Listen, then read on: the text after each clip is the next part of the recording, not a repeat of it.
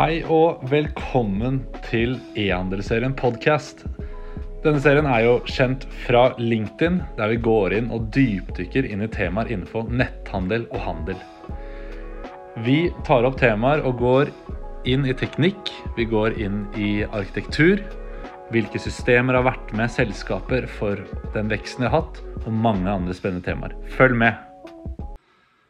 Yes, Velkommen til enda en eh, ny episode av E-handelsserien. Eh, For denne episoden her så har jeg med meg Ingvar Ugland fra Newtech Lab i DNB. Kan du fortelle sånn litt eh, hvorfor vi er og, litt om deg selv? Ja, ja har vært i DNB i fire år. Begynte her for å bygge opp New Newtech Lab.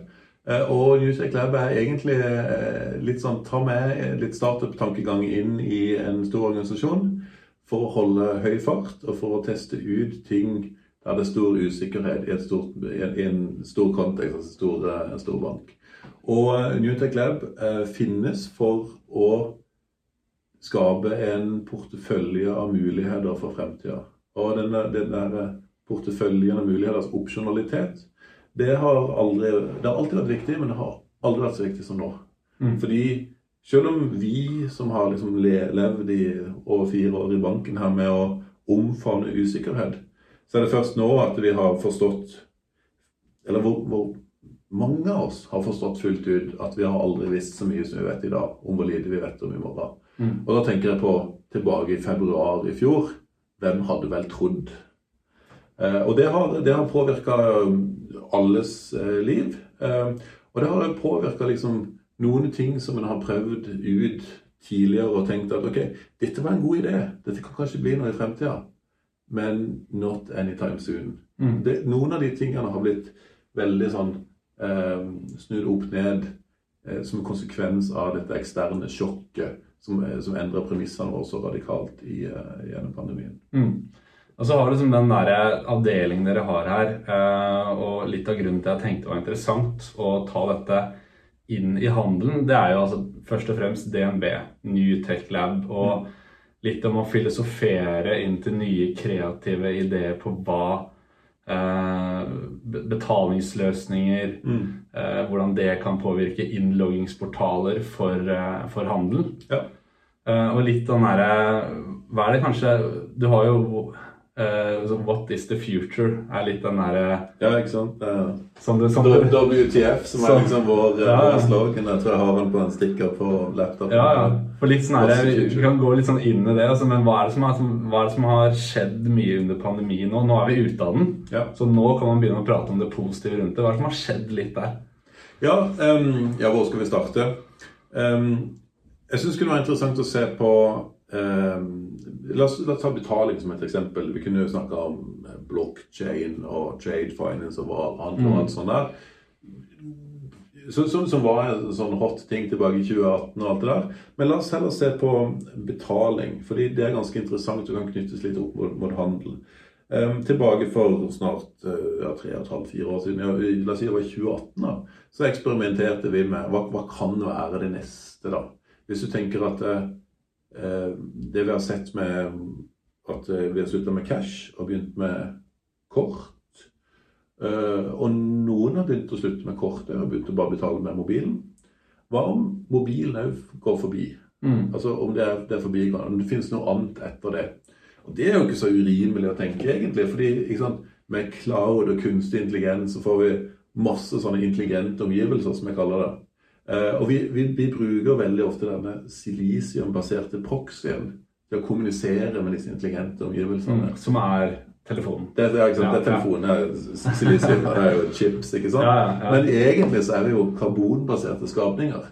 Og hva om den her ikke fantes, da? Og hvis du skal tenke på den karbonbaserte, ja, hva er det vi har som, eh, som, er, som er lettere å forholde seg til enn passord? Jo, vi har noen sånne biometriske egenskaper. Det er fingeravtrykk, og det er ansiktet vårt, er ganske unikt. Stemmen vår er unik. Så vi, eh, vi har testa ut eh, som teknologisk hvordan er det å betale med stemmen sin. Det gjorde vi i 2018. Det viste seg å være teknologisk mulig, men, men var det egentlig noe lettere enn det å teppe et kort? Det var, det var noen veldig få som var interessert i det der. Eh, året etter så testa vi ut i litt større skala ut som en pilot på en kafé. Betal med, med, med, med ansiktet ditt. Ja, det funka fint, det. Det var bare at hvor viktig, eller hvor, hvor, hvor nyttig var det egentlig i forhold til å med mobilen eller kortet? Og så, så, så liksom, Det var en del av opsjonaliteten for fremtida. Kanskje det skjer. Hvem, hvem vet når det skjer? Har ikke peiling, men vi har iallfall prøvd. Eh, og det er litt sånn radikalt. Hva om det ikke finnes mobiltelefoner lenger? Ja, Når skjer det? Nå, har ikke peiling, men la oss ha prøvd den opsjonaliteten. Og så kom, eh, så kom korona, eh, og eh, vi fikk noen nye ord i vokabularet vårt. Berøringsangst var én. Og plutselig så viste det seg at det å kunne betale med ansiktet sitt eller stemmen sin, det var ikke bare science fiction. Eh, PopID, et selskap i California, rulla ut eh, betal med, med ansiktet sitt eh, først i butikker i Pasadena, og sikkert spredt seg etter hvert i august 2020. Et år etter at vi sa det her ser ut til å være eh, science fiction. Altså det funker, men, men er- what's the use? ikke sant? Og, eh, og betale med stemmen din. Vi prøvde det i 2018 og fant at det går an teknisk, men why? Og i eh, september 2020 så kom eh, Amazon med eh, Alexa, pay for my gas. Som du kunne, du kunne be Alexa, altså stemme, stemmebasert assistent i bilen din, til å sørge for at betalinger ble gjort, sånn at du skulle slippe å ta på så mange ting. Berøringspunkter der andre hadde tatt på. Så det, det ble eh, ganske annerledes. Eh, plutselig så ble det relevant, og det er viktig enn den opsjonaliteten. da. Og det er, det er betaling. Eh, og så kan du si at det har kanskje noe med, med, med ID og sånn òg å gjøre. Fordi når du betaler, så handler det om at du skal betale med, med dine penger. Og når du identifiserer det med ansikt og stemmen, så, så gjør du egentlig det. Identifiserer at du er det, og det passer med det kortet eller den kontoen som, som er knytta til det. da. Mm. Og, eh, og det er jo egentlig ganske interessant i den, hvis du skal se på handel, da. La oss ta Amazon. Jeg har vært kunde hos Amazon siden 2004. Jeg tror det er bare Finn jeg har vært kunde hos lenger online, fra 1999. Mm. Um, det er ganske interessant, for den måten jeg ble signa opp på Finn, var at jeg ringte til Aftenposten og sa jeg skal ha, annonsere motorsykkelen min. Jeg vil jo at vi skal annonsere den på Finn. Finn? Har jeg ikke hørt om. Men da ble jeg rulla inn ganske tidlig. Ja. Rett etter at websiten kom opp. Men, men Amazon sånn, de vet alt om hva jeg har kjøpt. Superpraktisk noen ganger, men litt sånn der eh, Noen ganger så vet vi- de vet litt for mye om hva, hva jeg trenger. Litt før jeg vet det sjøl. Det kan være litt skummelt. Ja. Uh, vi har jo eh, vi har hørt om det som de kaller for anticipatory shipping. De vet hva du kommer til å kjøpe, og at det er snart. Så Derfor så sender de varen til et, eh, et mellomlager der må være. Mm. Så der liksom online så vet en alt. Virkelig alt. Eh, kanskje for mye. Vi har gitt, kanskje gitt fra oss for mye data Mm. til, til big Dex. Um, Og det, men det der, eh, altså betalingsløsninger som igjen gir data som big Tex-selskaper eh, tar, tar inn over seg og, og bruker for å nå ut med annonsene sine, det er jo så aktuelt tema. Altså, du har jo GDPR som kom for noen år siden. Eh, det kommer eh, i hvert fall en ganske stor ny oppdaterte regel rundt eh, hvordan du henter inn data. Cookies vil jo Ja. etter hvert gå bort. Og sånn de, tan eller de tankene som du har rundt den derre Hvor farlig kan faktisk den verden bli? Uansett om vi jobber jo for liksom å tilby den beste kundeopplevelsen, kan vi gjøre det enda bedre teknologisk for alle sammen, og til og med gi makten til forbrukeren? Ja, jeg tror det. Og jeg tror vi må eh, eh, Vi trenger ikke gå så Vi trenger ikke snakke om eh, Cambridge Analytica og, eh, og eh, storming av Capitol Hill og sånn for å se hvor, hvor, hvor, hvor ille det kan gå i sin verste form. da. Men, men vi har gitt vekk noe som egentlig er av stor verdi. da. Eh, og, og så er det noe hvor, hvor mye får vi egentlig igjen for det. Og vi som bor i Skandinavia og Norden, vi bor i high trust societies. Eh, Det er noe helt annet enn i til og med tar USA. Altså, vi har kontor i San Francisco. og det er, det er noe helt annet. Hvis folk stoler mindre på hverandre, stoler mindre på, mindre på myndighetene. og så jeg som jobber i bank da, eh, I Norge så er det sånn du stoler på banken din, på myndighetene, på forsikringsselskapet.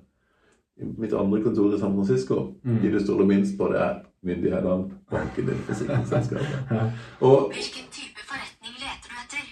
Nei, ser. Ikke sant? Ja. Ikke sånn Case in point skulle tro dette var noen, noen big tekstdrivere lytter på hva jeg sier nå. og ja, eh, det at vi, vi High Trust Societies, og jeg tror at vi um, altså, s- eh, I Norge så har vi eh, noe så enkelt som bank-ID, som muliggjør noe så forenklende som eh, det nærmest selvutfylt selvangivelse. Eh, Alt innenfor bedrifter osv.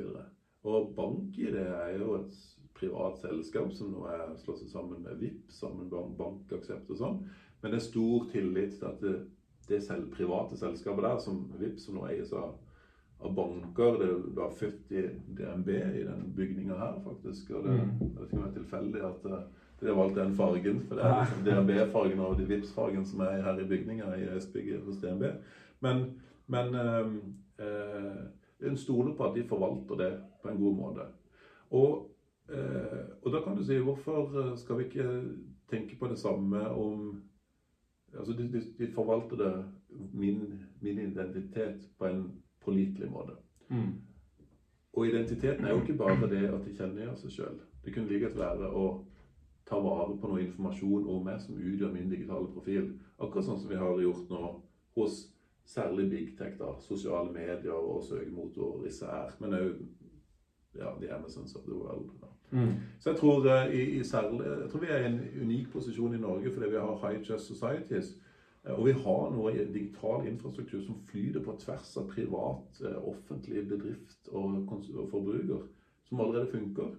Så, så jeg tror det er en, eh, vi- er i en unik posisjon i verden til å ta tilbake det. Mm. Og, og gjøre det på, en sånn, på samfunnsnivå. da. Ja, nesten sånn at vi kan gå frem som et eksempel på Ja. data ja. Ja, Det finnes noen eksempler på ting vi har fått til i Norge sånn digitalt som ikke noen andre verden har gjort, nettopp fordi at vi har den, der, eh, Mm.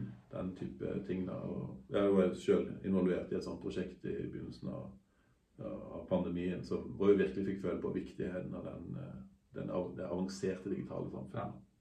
Nei, men uh, Tusen takk uh, for at du ble med. Det er jo første gang vi har prata litt om at vi bruker bare oss selv som en At vi er selve mobiltelefonen. Ja. Så uh, veldig interessant tema. Og jeg tror også dere syns eh, kanskje dette var en ganske interessant episode, og takk for det.